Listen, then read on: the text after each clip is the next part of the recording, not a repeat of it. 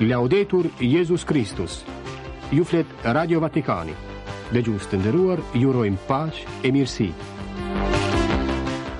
Në fillim të programit të 20 shkurtit argumentet kryesore Lëmosha, lutja dhe agjerimi, program shumë përtej kreshmëve 100 vite më parë, Bambino Gesù bëhej spitali i papës Që nga dhurata e Dukës Salviati për Selinë e Shenjtë, Spitali i parë Pediatrik Italian është bërë një nga më të mirët në fushën e mjekësisë e të punës kërkimore shkencore. Nga Ukraina, kryeipeshkvi i Lvivit pohon në mikrofonin tonë, luftojmë jo me pushkë, por me rruzare shtohet persekutimi i të krishterëve iranianë viktima të ajatollahëve, U botua dje raporti vjetor me titull Viktima pa fytyrë, shkelje të të drejtave të të krishterëve në Iran. Në Ditën Botërore të Drejtësisë Shoqërore, sekretarja e përgjithshme e CIDSE-s, grupit të organizatave katolike për zhvillimin me seli në Evropë dhe në Amerikën Veriore, kujton se çdo vendim që merret dhe çdo politikë e re që zbatohet ka ndikim në jetën e njerëzve. Më 20 shkurt kalendari i përkujton Shën Eleuterin ipeshkëv e lajme të tjera.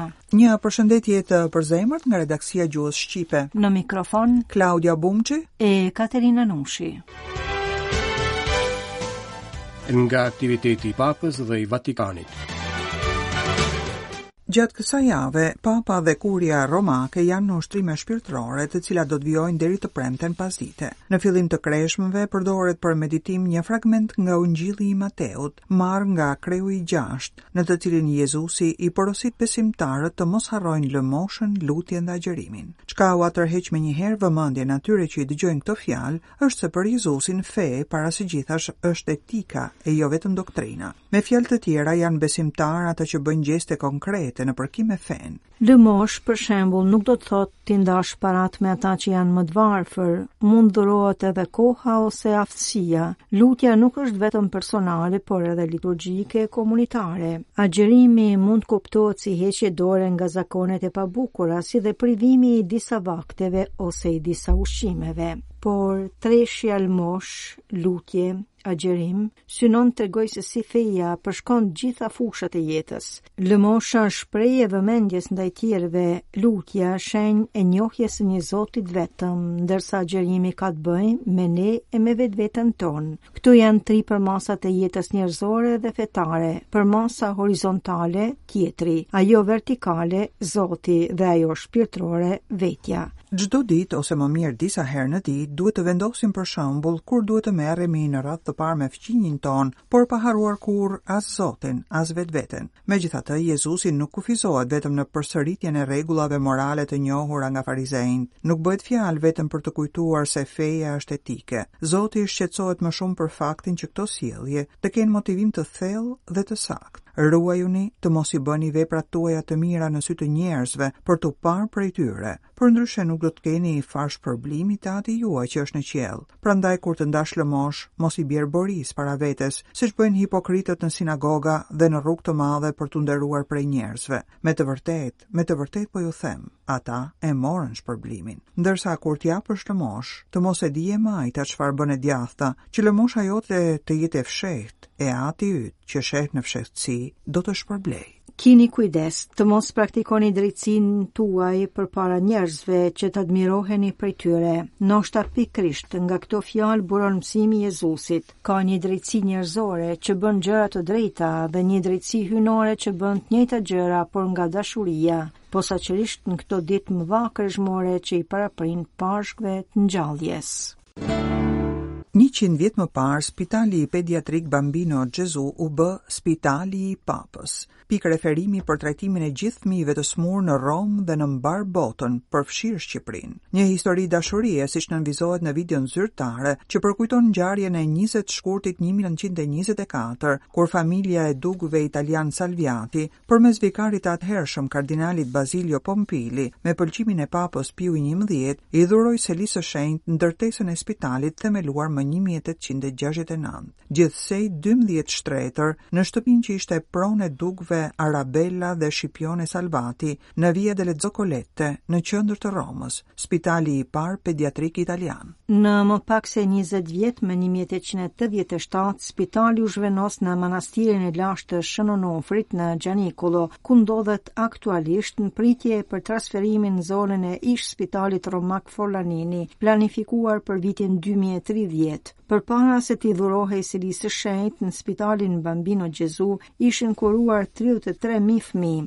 Ishin përballuar emergjenca si tërmeti i Avecanos më 1915, kur u strehuan 420 fëmijë dhe epidemia e gripit spanjoll gjatë Luftës së Madhe të 1918-s, kur të shtruarit në spital arritën në 300 vetë. Pas mbylljes së detyruar për shkak të Luftës së Dytë Botërore, spitali u zhvillua gjithnjë më shumë në dekadat në vijim, duke hapur seli të reja si në Santa Marinella më një mijë e nëntëqind e nëntëmbëdhjetë, në Palidoro më një mijë e nëntëqind e shtatëdhjetë e tetë, në zonën romake të San Paolos më dy mijë e dymbëdhjetë dhe në Passoscuro më dy mijë e njëzet e dy. Gjithashtu, ai është i integruar në Shërbimin Shëndetësor Kombëtar Italian dhe njihet si spital kërkimor e universitar. I vizituar për herë të parë nga Papa Gjoni i njëzet e tretë më një mijë e nëntëqind e pesëdhjetë e tetë e pastaj edhe nga Pali i gjashtë më një mijë e nëntëqind e gjashtëdhjetë e tetë, Gjon Pali i dytë më një mijë e nëntëqind e shtatëdhjetë e nëntë, Benedikti i gjashtëmbëdhjetë më dy mijë e pesë dhe nga Papa Françesku më dy mijë e shtatëmbëdhjetë, Spitali Bambino Gesù është sot poliklinika dhe qendra më e madhe e pediatrisë kërkimoro-shkencore në Evropë, e lidhur me qendrat kryesore ndërkombëtare në këtë sektor. Mbi tridhjetë për qind e shtrimeve kanë të bëjnë me pacientë që vijnë nga jashtë rajonit të Lacios, ndërsa katërmbëdhjetë për qind janë me shtetësi të huaj. Në vitin dy mijë e njëzet e tre, tetëmbëdhjetë mijë fëmijë u kuruan për sëmundje të rralla. Ajo që më jep forcë, shpresë dhe besim është se shoh që provania hyjnore nuk na braktis dhe ka shumë besim te njerëzit. Dy vjet pas shpërthimit të konfliktit ukrainas, kryepeshkvi Mjeçislav Mokrzicki, metropolit i Lvivit, shpreh shqetësimet dhe shpresat në një intervistë me Radio Vatikanin Vatican News, duke nënvizuar se si në këtë kohë të errët e gjithë Ukraina është lidhur me një zinxhir lutjesh. Ne jemi luftëtarë të Zotit, jo me pushkë, por me rruzare, jo në fushën e betejës, por në gjunjë përpara të Shenjtnueshmit sakrament, pohon ai. E pyetëm.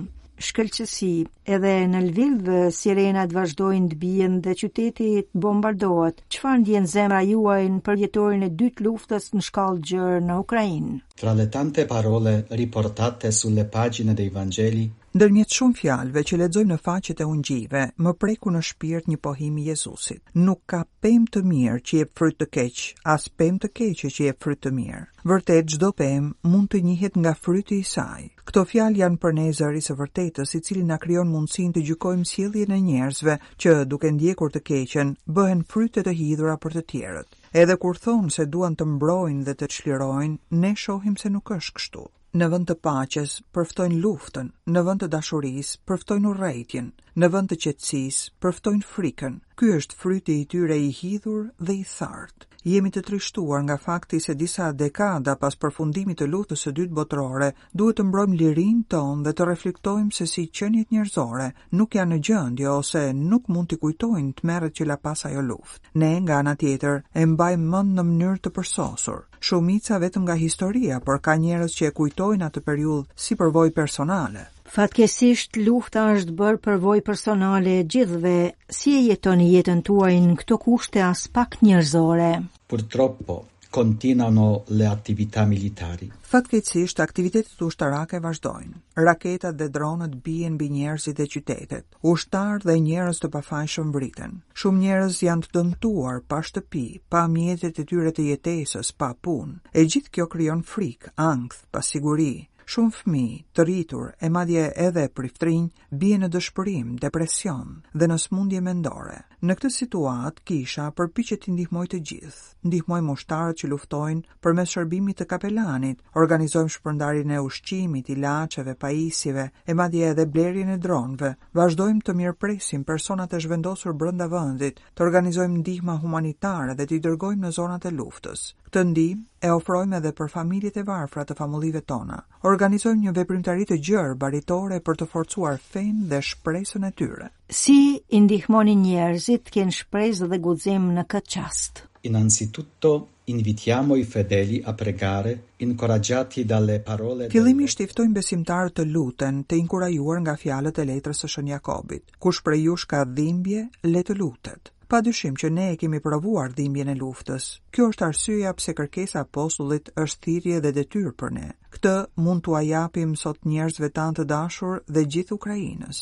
Lutja jonë duhet të jetë si temjani, i cili ka vetëm një drejtim, nga toka në qiell. Duhet të jetë britma e një zemre dhe një shpirti. Edhe Papa Françesku na kërkoi ta bëjmë këtë. Prandaj, ndërsa vijojmë të vuajmë, arma jonë në luftën për paqe është lutja. Jemi luftëtarë të Zotit, jo me pushkë, por me rruzare. jo në fushën e betejës, por të gjunjëzuar përpara të Shejtnueshmit Sakrament. Në këtë mënyrë, ne përqafojmë gjithë vendin me zinxhir lutjesh, veçanërisht ata që në frontin e kësaj lufte të çmendur, në emrin tonë dhe për të mirën tonë, luftojnë për lirinë e atdheut. Përveç lutjes, një përmasë tjetër që ndërton shpresën dhe forcën e shpirtit është fjala e mirë. Fjalët e Zotit Jezus, mbani barrët e njëri-tjetrit, bëhen detyrë që duhet ta marrim përsipër, me të cilën duhet të shkojmë drejt njëri-tjetrit. A ka sjellë fryte akti i lëshimit Rusisë dhe Ukrainës në duart e Nënës së Zotit, nëse po, cilat? Subito dopo l'atto di affidamento della Russia e dell'Ucraina, Menjëherë pas aktit me të cilin Papa Françesku ia besoi Rusinë dhe Ukrainën Nënës së Zotit në Vatikan, ashtu siç bënë edhe famullitë e dioqezat tona, të shtunën pas pamë se ushtria ruse u tërhoq nga Kievi. Zoja e Fatimës inkurajoi lutjen, pendimin dhe kthimin në fe. E shohim edhe në shumë besimtarë të kishës sonë dhe të riteve e besimeve të tjera. Njerëzit shohin se i vetmi shpëtim është te Zoti. se vetëm një mrekulli mund ta shpëtojë Ukrainën, dhe këto janë frytet e besimit te Nëna e Zotit. Me gjithë këtë situatë të vështirë, njerëzit nuk e humbasin shpresën. Kanë ende shumë forcë dhe optimizëm. E dinë edhe ta mbështesin njëri-tjetrin.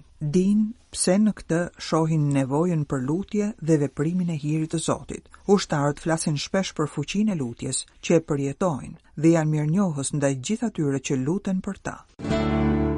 Në Iran shtohet numri i të krishterëve viktima të arrestimeve dhe të shkeljeve të lirisë fetare nga ana e Republikës Islamike e publikimi i çështjes së tyre mund të çojë në vuajtje edhe më të mëdha Kështu denoncon faqja e internetit Article 18, Neni 18, e specializuar në dokumentimin e represionit të Teheranit kundër pakicave fetare, veçanërisht kundër të krishterëve. Në të u botua dje raporti vjetor me titull Viktimat pa fytyrë, shkelje e të drejtave të të krishterëve në Iran. Studimi është realizuar në bashkëpunim me organizata joqeveritare të tjera ndërkombëtare, ku përfshihen Open Doors, Christian Solidarity Worldwide dhe Middle East Concern. Përballë shtimit të të krishterëve të arrestuar me 166 vetë në vitin 2023, krahasuar me 134 në 2022, autorët e dokumentit nënvizojnë se numri është edhe më i madh, pasi nuk bëhet publik. Raporti i botuar dje konfirmon se është fjala për një